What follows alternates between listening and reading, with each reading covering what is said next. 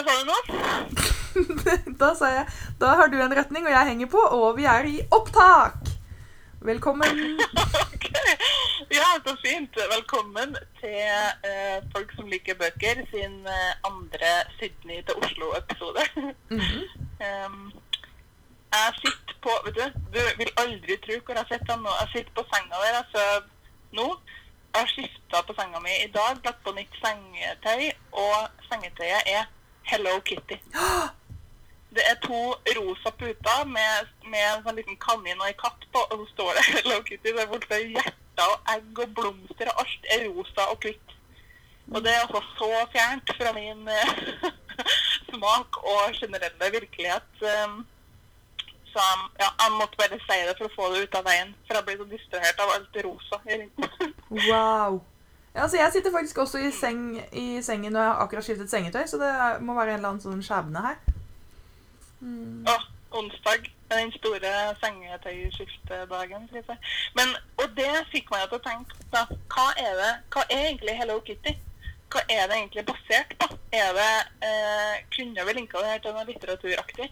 Nei, mest sannsynlig ikke. Det finnes jo bøker om katter og sånn, da. OK. Men eh, da, da svinger vi oss heller over i det vi egentlig skulle prate om nå, nemlig at vi har lest bøker, både du og jeg. Ja, og særlig du. Ja, særlig. jeg. For jeg har jo hatt en litt sånn um, lesetørke nå. Uh, en periode som jo kommer til meg av og til, at jeg bare ikke liksom orker å lese. Uh, og, og så er det òg en um, stor synder som heter Netflix. Uh. Ja, så jeg har um, Jeg så for eksempel den um, 13 Reasons Why, som var sammen drevet og snakka om den Så du den? Hva syns du? serien, skal jeg si. Hva syns du? Uh, ja. Um, jeg tror kanskje at det er det aller vanskeligste jeg noen gang har sett. Altså, jeg har aldri jobba så hardt for å komme meg gjennom en TV-serie. da, Og ikke fordi at den er dårlig, den er tvert imot uh, veldig, veldig veldig bra, syns jeg. Men det er så ondt, og det er så trist, og det er så mørkt og trasig. og liksom og så er det jo ungdommer, ikke sant? Det er unge folk som liksom har det jævlig, på en måte. Um, og da, eh, om det er morsinstinkt eller uh, overutvikla empati eller hva det er, jeg vet ikke, men jeg bare ble helt ødelagt av å, uh, av å se den. Altså. Jeg synes det var Det gikk veldig innpå meg, rett og slett. Og jeg skreik som om det var ja, min egen bror som hadde tatt livet av Så skal jeg si. Det var ordentlig skikkelig heftig, rett og slett. Oi. Jeg har bare fått med deg det Eh, tabloide ja. Mhm. Nei, ja, nei, vi trenger ikke å Vi kan Du skulle si men. Ja, nei da, men, men um, Eller og jeg er ikke alene om det heller, for jeg har snakka med flere av vennene mine som har, eh, som har sett det, og den Ja, jeg tror det er vanskelig å se den uten at det går inn på det, liksom. Eh, og så er den jo det har veldig, det, Den er fortalt, eh, historien er fortalt på en veldig kul måte. da. Eh, sånn at det, det er verdt å se den om så bare for å, å lære av det, liksom av historiefortellinga. Hmm. Mm. Ja. Men, men så breit jeg ut av Netflix-verden og eh, klikka meg inn på neste skjerm, der det var e-bok-bib. Ja, det er en fin skjerm. Um, det er en veldig fin skjerm. En av mine favoritter. Og da plutselig så så jeg at de hadde um, at det var ledige eksemplar av Therese Tungen si eh, novellesamling som heter 'En gang var det ei ulver'. Ja. Um, og den er her har jeg veldig lyst til å lese, fordi eh, jeg kjenner Therese litt. Jeg har jo jobba i lag med på Samlaget. Um, og da viser det seg at det er jo nok en ting som hun mestrer, er å skrive sine noveller. Så det er seks eh, lange noveller, litt sånn à la Ingvild Rishøi, som har skriver ganske lange noveller.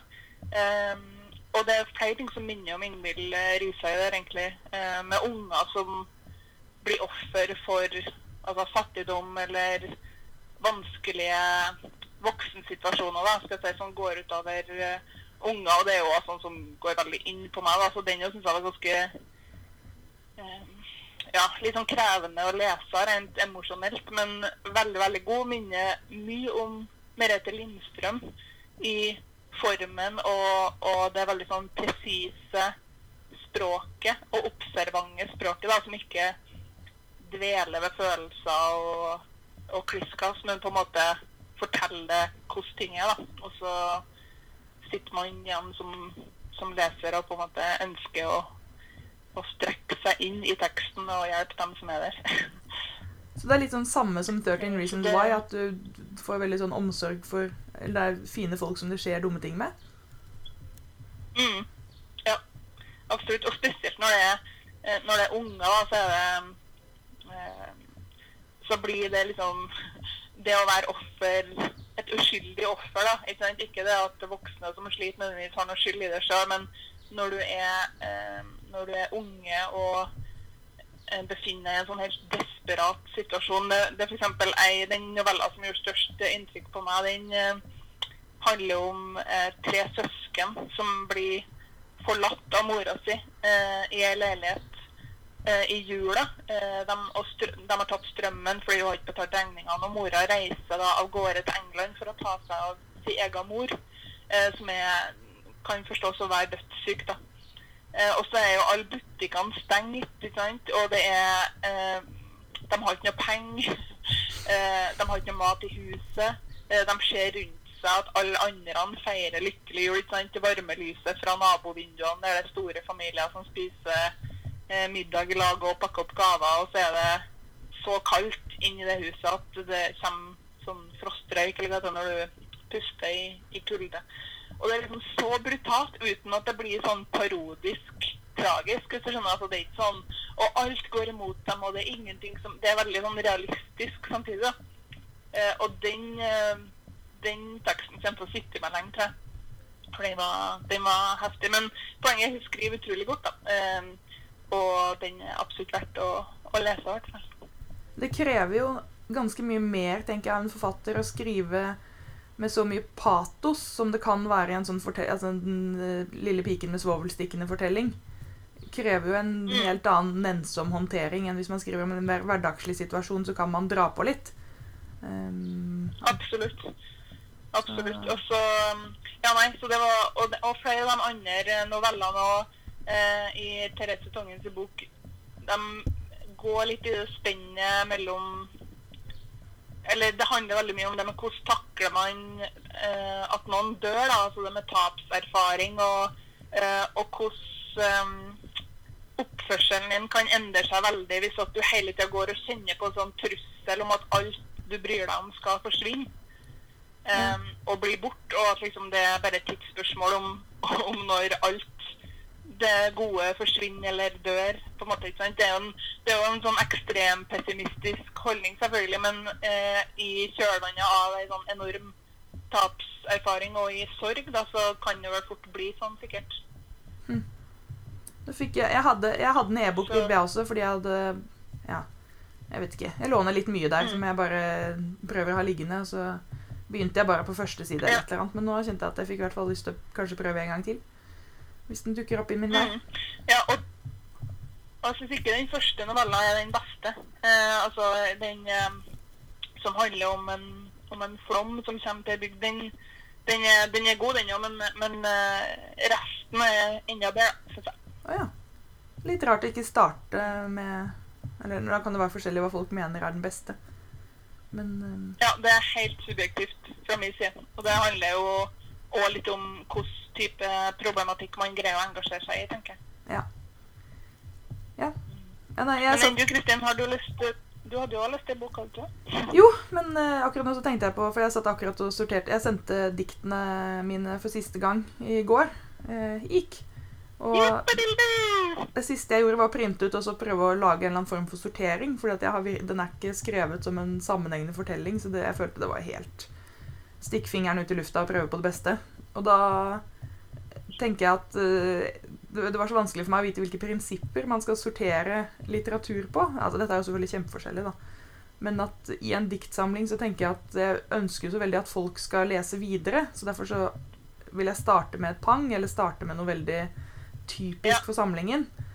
Eh, samtidig som da ble det jo eh, du skal jo også Du vet jo at idet folk lukker igjen boken, så husker man kanskje det som skjedde litt sånn på slutten. Så blir det jo fort en sånn dødperiode på midten. sant? Hvordan klare å holde en sånn spenningskurve i tekster som ikke har noen naturlig intern sammenheng, da. Det Ja. Men eh, anyways, men derfor så tenkte jeg også Da har jeg tenkt mye på liksom det å starte med Det gjør, dette, det gjør min da starte med et smell, så forhåpentligvis hvis man ikke catcher der, så catcher man ikke senere heller. Mm. Mm. Men akkurat når det gjelder dine tekster, så vil jeg jo si meg uenig i det. da, At det ikke er noe logisk eh, intern sammenheng. fordi det er det jo eh, Fra leserperspektivet så, så er det jo absolutt det. Ja, altså det er jo en sammenheng i diktene, det må jeg si. Men det er ikke, det er ikke sånn at det diktet må følge det diktet. Som må følge det. Det er ikke noen handling. Nei, sånn, nei. Eh, det er ikke noen Når man skriver en Og sånn er det selvfølgelig ikke når man skriver en roman heller. Man kan jo velge hvordan man skal disponere ut stoffet. Men eh, Mm. her er det 50 tekster som egentlig er Kunne vært i en kortstokk og sortert og delt ut på nytt igjen, tenker jeg. Um, Jeg tenker at det òg er en del av styrken ved diktsamlinga di. Ja. At, eh, at man eh, For det gjør det òg lettere både å hoppe ut for å ta en pause, altså lese les det litt sånn spontant, eller på trikken, bussen, toget, hva det nå skulle være, eller mellom amminga av sin egen nyfødte unge, eller hva det nå skulle være, og så gå tilbake igjen, fordi at man slipper nettopp det krever jo litt ikke sant? når man leser en roman, å gå ut og så inn igjen. Så må du jo ha en bevissthet om hvor du er og hva som har skjedd. og sånt, Mens i ei diktsamling som er såpass eh, åpen da, som det jeg opplever at de er, så, så er den tilgjengelig å hoppe inn og ut av egentlig når som helst. Uten Ja, det er- det er jo meningen. Det er eh, Nå skrev jeg vet, Leste du Ja. Økland som skrev om eh, debutantene i Aftenposten i forrige uke? Nei. Nei. Hun eh, hadde en Altså, da begynner jo nesten jeg å grine, fordi at da er det liksom at eh, Nei, nå var det sluppet gjennom eh, hun, De hadde gått gjennom debutantene, og da var det særlig at det var så skrekkelig mange som debuterte med poesi. Og det eh, Hovedargumentet hennes var vel at det er en så sjanger som folk leser så altfor lite, så de burde Og da ble jeg litt sånn Ja, men du kan jo ikke du kan ikke kreve at litteraturen og debutantene særlig skal være de mest populære. At det skal være der. Ehm, og så sa hun at det, at det var for dårlig kvalitet. Og det det vel egentlig kom ut på, var at det er tre diktdebutanter på Flamme som hun mente var for dårlige. Uh, og nå har jeg ikke lest de, da. Ja. Men eh, jeg tenkte at argumentet er det er for mange som debuterer med poesi samtidig, blir jo helt underlig. Mm. Og det å si For jeg skjønner jo altså Jeg merker jo selv at det å, det å skrive poesi er kanskje en inngangsport til, å, til tyngre stoffer, da. Uh, å skrive Mm. kortere tekster og få noe på trykk. Og så om man skal kreve at det, man ikke burde debutere med debut... Jeg vet ikke helt, jeg.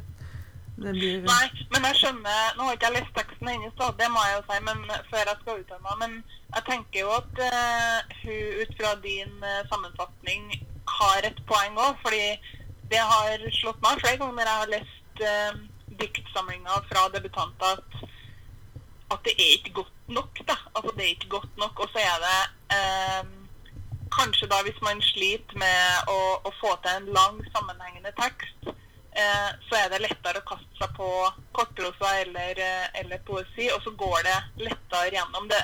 Jeg, jeg har litt den samme oppfatninga altså, som hun på akkurat det. Um, men det betyr jo ikke at man ikke skal skrive lyrikk hvis det er lyrikk man vil skrive. Og man kan jo ikke diktere og si sånn OK, i år skal vi ha 15 debutanter. Da vil vi ha fem på sakprosa, fem på Eller fem romaner og fem diktsamlinger. Det går ikke an. Folk må jo skrive det de har lyst til å skrive, selvfølgelig. Um, men, men eh, lyrikk eh, må jo òg kvalitetsvurderes før det gis ut. Det kan jo ikke bare gis ut fordi at um, man har greid å skrive seg gjennom en diktsamling. liksom. Det var der det kom. Nei, og det tenker jeg er jo kanskje mest sånn til forlagene, at hvis de får tekster eh, som de tenker at her er, ligger det noe, her er det noe At de burde utfordre personen mer på kunne dette kommet i en annen form, eller eh, noe mer gjennomarbeidet, eller Ja, jeg vet ikke. Ja. Ja. Nei, det blir fort Og personlig. så tenker jeg at det er uansett en artig debatt, da, eller en debatt som bør eh, tas, kanskje, og der eh, kanskje noen forlag bør gå mer i seg sjøl og se på hvor grundig man jobber Ja, eh, med eh, tekster før man gir dem ut. jeg føler meg ytterst inhabil i denne saken. Men jeg har lest bok, da. Eh, Ja, Men jeg må bare eh, legge til en setning til, da, og akkurat på der. Og det er jo at du treffes ikke av dere, du også. altså, nå tar jeg alt. Du skal ikke føle deg truffet Jeg tar alt personlig om dagen. som fordi det kommer til å bli knallolini. Vi, ja, nei, nå ble dette veldig skrutete. Men jeg har lest 'Far din' av eh, Bjørn Ingvaldsen.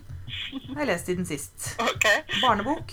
Eh, han har jo skrevet eh, veldig mange bøker, og han har kommet med en Den her kom i fjor og ble nominert til eh, Den ble vel nominert til Nordisk råds barne... Ja, den var litt nominert til en masse ting. Og det syns jeg den var fortjent. Det er en eh, ganske kort og fin liten bok om en gutt som kommer hjem, og så er faren hans borte og moren hans borte, og det kommer en dame hjem til han. Så viser det seg at begge er tatt inn til avhør, og de kommer og tar tingene hans fordi faren hans har rett og slett eh, eh, stjålet veldig mye fra den lille bygda de bor i. Og plutselig så vet så er na naboen står utenfor og sier 'Hva er det som skjer?' 'Fortell oss, fortell, fortell', fortell. Og han trekker inn, og det er en mor som kanskje ikke har så mange ressurser til å eh, hva, man, eller hva gjør man i en sånn situasjon, da, hvor alle begynner å mistenke at du også har vært med i dette her? Og, eh, så det er jo en Men det er en ungdom Den handler jo da om en gutt som er Nå ble litt usikker, han er kanskje sånn 12-13. Eh, og hans synsvinkel på hva skjer når plutselig pappa er tatt ut, og som da plutselig bare blir kalt far din. Hvor er det far din er? Ja, det er far din som har gjort det. Så den syns jeg var veldig fin. Godt leselig for, eh, for flere. Ja, jeg fikk lyst til å lese den. Mm. Ja, underfundig, og, og nå, er den på, nå fant jeg den på salg på ark, i hvert fall. I tillegg hadde lest den på e-bokbib, men da kjøpte jeg den. Den tenkte jeg var fin å ha. Ja. Og ganske korte kapitler. Og, Den eh, ene andre boka som jeg har lest, er litt i, i samme landskapet. Skal jeg si, Ja. eller ja, hvis man drar det til litt, da. Om en ung gutt, i hvert fall. ja, Eh, som miste, Som er en sånn Igjen tilbake til det med tapserfaring. Men eh, den heter um, 'Monsteret kommer'. og Skrevet av en fyr som heter Patrick Ness. Har du hørt om den? Nei. Ikke i det hele tatt. For den er fra 2011. Eh, og jeg bare oppdaga den helt tilfeldig ved at jeg så noen Jeg tror det var på Instagram det var noen som hadde posta om at de holdt på å lese den og syntes den levde opp til forventningene. Og så tenkte jeg hm, må sjekke hva det er. Ja, Så var det et sånn stilig, ei veldig fin framside, da. Og som den em, enkle sjelen jeg er, så tenkte jeg å, den fikk jeg lyst til å lese. Ja. Em, men, men da gikk jeg og sjekka, og da lå den på e-bokbib. Og den handler da rett og slett om en gutt som eh, har ei kreftsyk mor. Han bor alene med sin kreftsyke mor, og det ligger vel i kortene at eh, at det ikke går så bra med mora. da. Og så handler det om hvordan han takler den situasjonen. Og det er det vært, som, altså, som pedagog, da, så, eller tidligere pedagog, så ble jeg så glad for at noen tør å gå i direkte dialog med hvor vanskelig det er å takle at noen så nært deg skal forsvinne, skal dø og bli bort for alltid uten at det blir som sugarcoata, og uten at det blir sånn enten Altså ikke for klissete, og heller ikke for eh, sånn overfladisk og typ sånn eh, Ja, jeg husker en familie jeg hadde da jeg jobba som eh, PED-leder, de hadde fortalt gutten sin at, eh, at morfar hadde flytta til månen da han døde. Så hver morgen da, på vinteren når eh, månen var opp, så sto jo han lille gutten i vinduet og pekte og sa 'Å, se, der er morfar! Der er morfar!' Og det er jo så Altså det er så hjerteskjærende da, å skal være en omsorgsperson i en sånn eh, eh, i en sånn situasjon og prøve liksom Hvordan i all verden skal man takle det? Du kan jo heller ikke si til den lille ungen at Nei, morfar er jo ikke på månen, han ligger jo i jorda og er død, på en måte. Fordi foreldrene vil jo tydeligvis ikke ha, ha en sånn eh, sjargong, da, eller snakke sånn om det. ja. Men er dette, denne boken du hadde lest, er det en barnebok eller ungdomsbok, eller er det en voksenbok? Nei, altså det, det er jeg litt usikker på. Um, fordi den er omtalt som en ungdomsbok, ser jeg. Ja. Uh, og han uh, og han hovedpersonen er jeg jaggu ikke sikker på akkurat hvor gammel han er, men, uh, men jeg tenker at den passer veldig godt til unger, litt store unger, da, kanskje fra sånn sju, sju år oppover, tenker jeg. Ja. Hva var den het igjen, sa du? Monsteret kommer. Monsteret kommer. Ja, da Ja. kan hende jeg søker etter dem også. Så det var, og det mm, Jeg syns det var helt sånn forbilledlig måte å ja, å, å skrive om et så stort og vanskelig tema på, da. Høres ut som vi ja, tilfeldigvis har lest. Og, mm, Nei, jeg bare sa at det høres ut som vi tilfeldigvis har lest litt lignende bøker. At dette kan jo høres ut som Ingvaldsen også, ja. Med noen som opplever noe Ja, vanskelig og ikke sant? stort. Den, eh, og den er vel um, Jeg leste den norske versjonen. Jeg tror, det, jeg tror den er oversatt fra engelsk. Selv om navnet fikk meg til å tenke at den sikkert var svensk. Kanskje man skrev den, men... Patrick. Ja. Patrick Ness. Og den siste boka som jeg skal snakke om, som jeg ble ferdig med i går kveld, er altså helt sånn jeg, nå, må jeg, nå må jeg trekke pusten før jeg begynner å snakke om den, fordi at uh, jeg ble så sjukt begeistra. Pust med magen, pust med magen. Den heter mm? Pust med magen. Ja. Ja, pust med magen. Nei da, den eh, Det er jo ei, en norsk forfatter som heter Ingrid Melfall Hafredal, som eh, ga ut ei bok på oktober i Ja, for noen år siden. Jeg tror den het eh, Om igjen. Det er jo ikke omveier. Nei, Om. Herlighet, nå blander jeg alt. Herlighet. Nei, em, det er en del år siden jeg leste den, men den likte jeg veldig godt. Debutromanen hennes. Og så har hun nå da kommet med bok nummer to, som heter 'Harehjerte'. Uh, og det er òg en roman. Um, og jeg kan ikke huske på sist jeg har vært så begeistra for ei bok som, um, som jeg er for den. Den følger livet på en institusjon for ungdommer med spiseforstyrrelser. Uh, og så får man da bli Det er en allvitende forteller som følger både ansatte og, og pasienter da, eh, i de utfordringene de møter, og i hverdagen deres. Så vi får, får bli med ansatte hjem. hvis du skjønner. Altså, vi følger dem etter de er ferdig på jobb, og, og sjekker hvordan privatlivet deres um, på en eller annen måte gjerne da gjenspeiler den rollen de har på den institusjonen. Um, og, og så tror jeg at um, Ja, det handler jo liksom om den vanskelige profesjonelle omsorgen, da, hvis man kan si det. Og, og det å måtte forholde seg bl.a. til at det finnes eh, pasienter eller beboere på den institusjonen da, som man ikke kan hjelpe. altså som eh, som det er på en måte et tidsspørsmål før de får til å ta livet av seg som de har prøvd på mange ganger, eller før de sulter seg i hjel, eller Ikke sant. Um, og jeg tror nok at den, den traff meg veldig hardt, fordi at eh, jeg kjente meg så veldig igjen i den rollen fra jeg jobba som førskolelærer eller pedagogisk leder i barnehage. Og, og det å skulle gå hjem fra jobb og vite at eh, noen av ungene som jeg hadde ansvaret for, ikke hadde det bra når de kom hjem, eller eh, ikke hadde lyst til å reise hjem fra barnehagen. Da, og så ville jeg jo da egentlig helst bare ta dem med meg hjem. Ikke? Og, og på en måte gi dem den omsorgen som jeg tenker at de, at de trengte. Og, mm, men det kan man jo ikke. Og det er jo så voldsomt frustrerende. og det, det husker jeg at jeg syntes var veldig vanskelig da jeg begynte å jobbe som PED-leder, å finne balansen um, i det. Altså hva er profesjonell omsorg? Det er veldig det er veldig vanskelig å vite noen ganger hvor langt man skal strekke seg, og hvor mye av det man skal egentlig ta med seg hjem inn i sitt eget liv. og um, ja. Så hun, og hun skriver med en sånn fantastisk innsikt og eh, eh, og en sånn Ja, hun, jeg, jeg, vet ikke om hun om hun Hafredal har jobba på en sånn institusjon sjøl, f.eks., eller om hun har noe eh, forbindelse til det. Men eh, det var i hvert fall veldig, veldig fint. Eh, og veldig godt skrevet. Altså. Og jeg bare tenkte da jeg så at det var liksom ti sider igjen av boka, så tenkte jeg at nei, å, jeg burde ha stoppa og liksom porsjonert den ut litt bedre. eh, ja. Det høres jo Nei, det, ja. Nå fikk jeg veldig lyst til å lese den også, filleren, når leselisten bare vokser og vokser.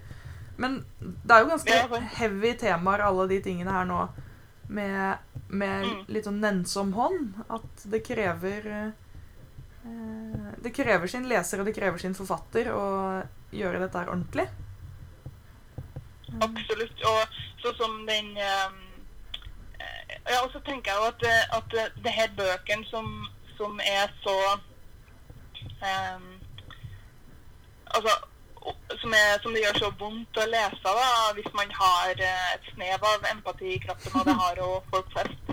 Um, de kan treffe folk på så forskjellig vis, tror jeg. Fordi uh, For meg så var det jo Jeg kjente meg jo veldig igjen i den ja, profesjonelle omsorgen, som jeg sa, og, og det utfordringa som ligger i det begrepet. da.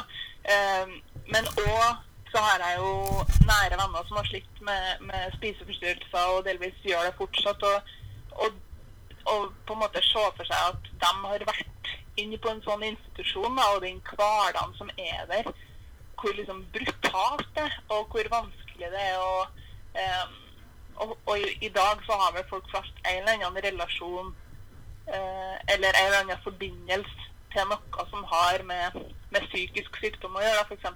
Så det er, veldig, det er veldig mange strenger å spille på. Altså det er veldig eh, mange forskjellige vis at leseren kan kjenne seg igjen i, i den teksten, tror jeg. Ja. Og det er jo en styrke, vil jeg tro. Det er det. Kjente at jeg lurer på om vi ikke klarer å liksom hente oss opp igjen herfra. Om vi skal uh, calle det der. Nei, det ble for mørkt. Nei det, var, nei, det ble ikke for mørkt, men det ble for eh, jeg vet ikke, for stort og bra. Og når du har lest uh, Så jeg bare lurte på om vi skulle avslutte her, jeg. Det var uh, ideen min. Med mindre du hadde noen veldig Glupolini-tanker på slutten. Nei da, det er ikke så ofte de oppstår. Men um, vi kunne jo heller um, kunne jo for sagt noe om hva som står på e-bok-bibellista vår nå. Da. Ja. Eller leselista videre. Ja. For eksempel, jeg hadde jo en helt sånn uh, nedlast orama her en dag da jeg så at det hadde kommet inn noen nye titler.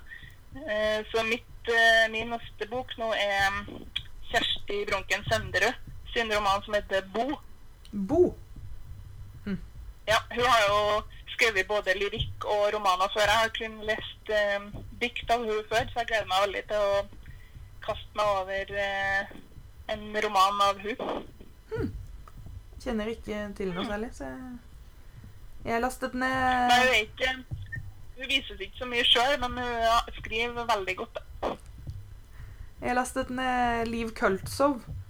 Eh, 'Melding til alle reisende', den siste hun har skrevet. Jeg vet ikke om du har mm. Hun har jo skrevet veldig lenge, og så var det en som tipset meg om at uh, uh, siden, ja, siden jeg skriver litt sånn feministisk, eller å skrive kvinnehistorie, så var hun også en, en person å lese. Så foreløpig så Ja, nå har jeg lest liksom litt. Men akkurat nå så hadde jeg faktisk på med Den lånte jeg på Jeg var innom Elverum bibliotek en liten tur og bare dro med meg den største boken jeg kunne finne, som heter eh, Konsulens døtre.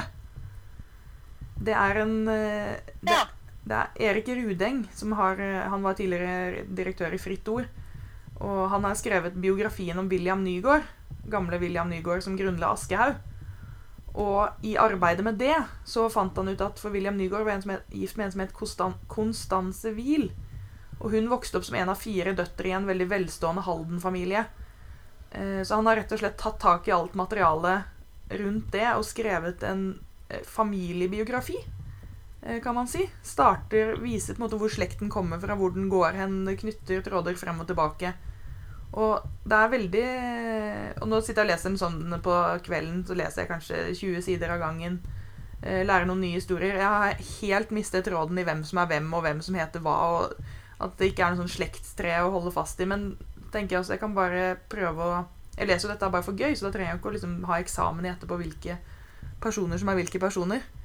Men den er veldig interessant og i en kultur Dette er jo en velstående familie på da slutten av 1800-tallet, begynnelsen av 1900. I området der med mye skogeiendommer og etc. Og som også beskriver hvor viktig det er eller det er det bl.a. hun ene som har vokst opp med en del penger.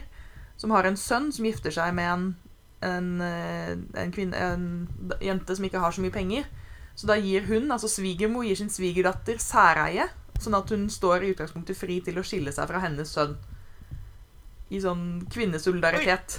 Eh, hun har selv merket hvor viktig det er å være økonomisk uavhengig av sin mann. Og dette er sånn rundt 1840-1850. Steike. Girl power. Ja. Så den er, og disse her er jo ikke spesielt Disse her lever jo samtidig som Katti Anker eh, Katti Anker Møller Nei, nå husker jeg ingen etternavn. Men eh, de lever jo samtidig som kvinner får stemmerett og alt sånt. Men det er ikke spesielt Det er ikke kvinnesakskvinner i utgangspunktet, men de lever jo Ja, hva motiverer dem, hva gjør de, og sitter jo på et voldsomt materiale av bøker og ting. Og så syns jeg av og til at eh, Eller det er jo ikke sant, når man sitter på et sånt vanvittig materiale, så blir det jo litt sånn innforstått Eller det er sånn Her skulle jo noen ha jobbet hardere med å kutte og med å med å skjerpe hva vi egentlig snakker om. Og det kommer av og til så blir det historier fortalt i bildetekstene som ikke er fortalt i boken eh, ved siden av. Som jeg tenker at det er egentlig de Det er særlig noen ganger hvor de kvinnehistoriene blir fortalt i, i bildetekstene, mens liksom mannens historie blir fortalt i brødteksten. Som er helt underlig med det prosjektet som man har gående her nå. Men eh, ja. Ja. Som prosjekt egnet, så er den eh, interessant, altså. Eller et eller annet. Høres ut som du har litt å lese på en stund hvis den var såpass omfattende. Ja, men nå har jeg faktisk lest Jeg pleier jo ikke å lese tjukke bøker, men nå har jeg lest 400 av 500 sider. Så det, Det er ikke. Ja. Det er ikke verst. Og jeg har liksom lyst til å fortsette å lese litt sånn hva som skjer med dem, og hvordan det går. Mm. Det er godt tegn. da. Ja, det er det. Så får jeg bare tåle litt sånn På resten av mm? Nei, nei, nei. Beklager, nå blir vi sånn avbrytende. Hva skulle du si? Ja, det, jeg tror linja er litt treg likevel. Men eh, nei, jeg bare skulle si at um, jeg har et par andre titler på leselista mi på e-bokbibba. Det er bl.a. Caroline Ramquist sin 'Det er natten'. Forfatteren og den som skriver. Som visstnok er en slags sånn dialog om um, Eller ikke dialog om, men hun skriver om forskjellen på um, det skrivende jeget, altså forfatteren og det subjekt, nei, forfatteren og jeget i teksten. Hm. Ja. Um, så det kan jo bli spennende. ja, den har jeg hørt om. Så får ta og se om jeg skal laste ned, jeg også. Mm. Hun er sånn feminist-ikon, skal jeg si, tror jeg. Svensk uh, jei. Ja. Men da gikk vi ut på en litt lysere tone da, enn spiseforstyrrelse og, og tapserfaring. Men det var jo en lys tone fordi vi har lest veldig bra bøker. Det er jo, Ja, ja. det er jo da det blir sånn. Det jo, jeg kan bare ikke få understreka nok hvor god Harehjerte er. altså. Den kom på oktober nå i, i vår. Eh, så den anbefales eh, meget sterkt fra meg. ja, anbefaling godkjent. Vi får ta og eksperimentere videre med Skype-linjer eller noe eh, IP-telefon. Ja. Eller hva vi holder på med Mm. fremover. Og så plutselig, Ja. så plutselig er vi tilbake i ørene deres igjen.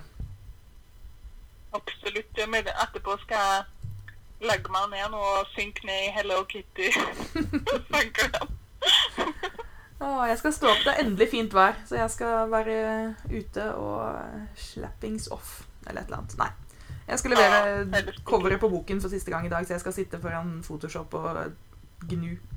Det blir fint. Gnukke og gnu. Å, det blir så bra. Det blir jo anbefalinga, anbefalinger, store anbefalinger når høsten bare kommer. da. Ja, vi skal ikke snakke om bokhøsten, vi skal bare snakke om min bok. Ja, Vi skal bare snakke om min bok. Kommer ikke til å snakke om noen ting annet. Bare følg med, folkens. Nei, dessverre. Nei da. Nei, men det, det blir bra, Kristin. Da sier vi ha det til um, lytterne. Vi prates. Hei då! Hei då.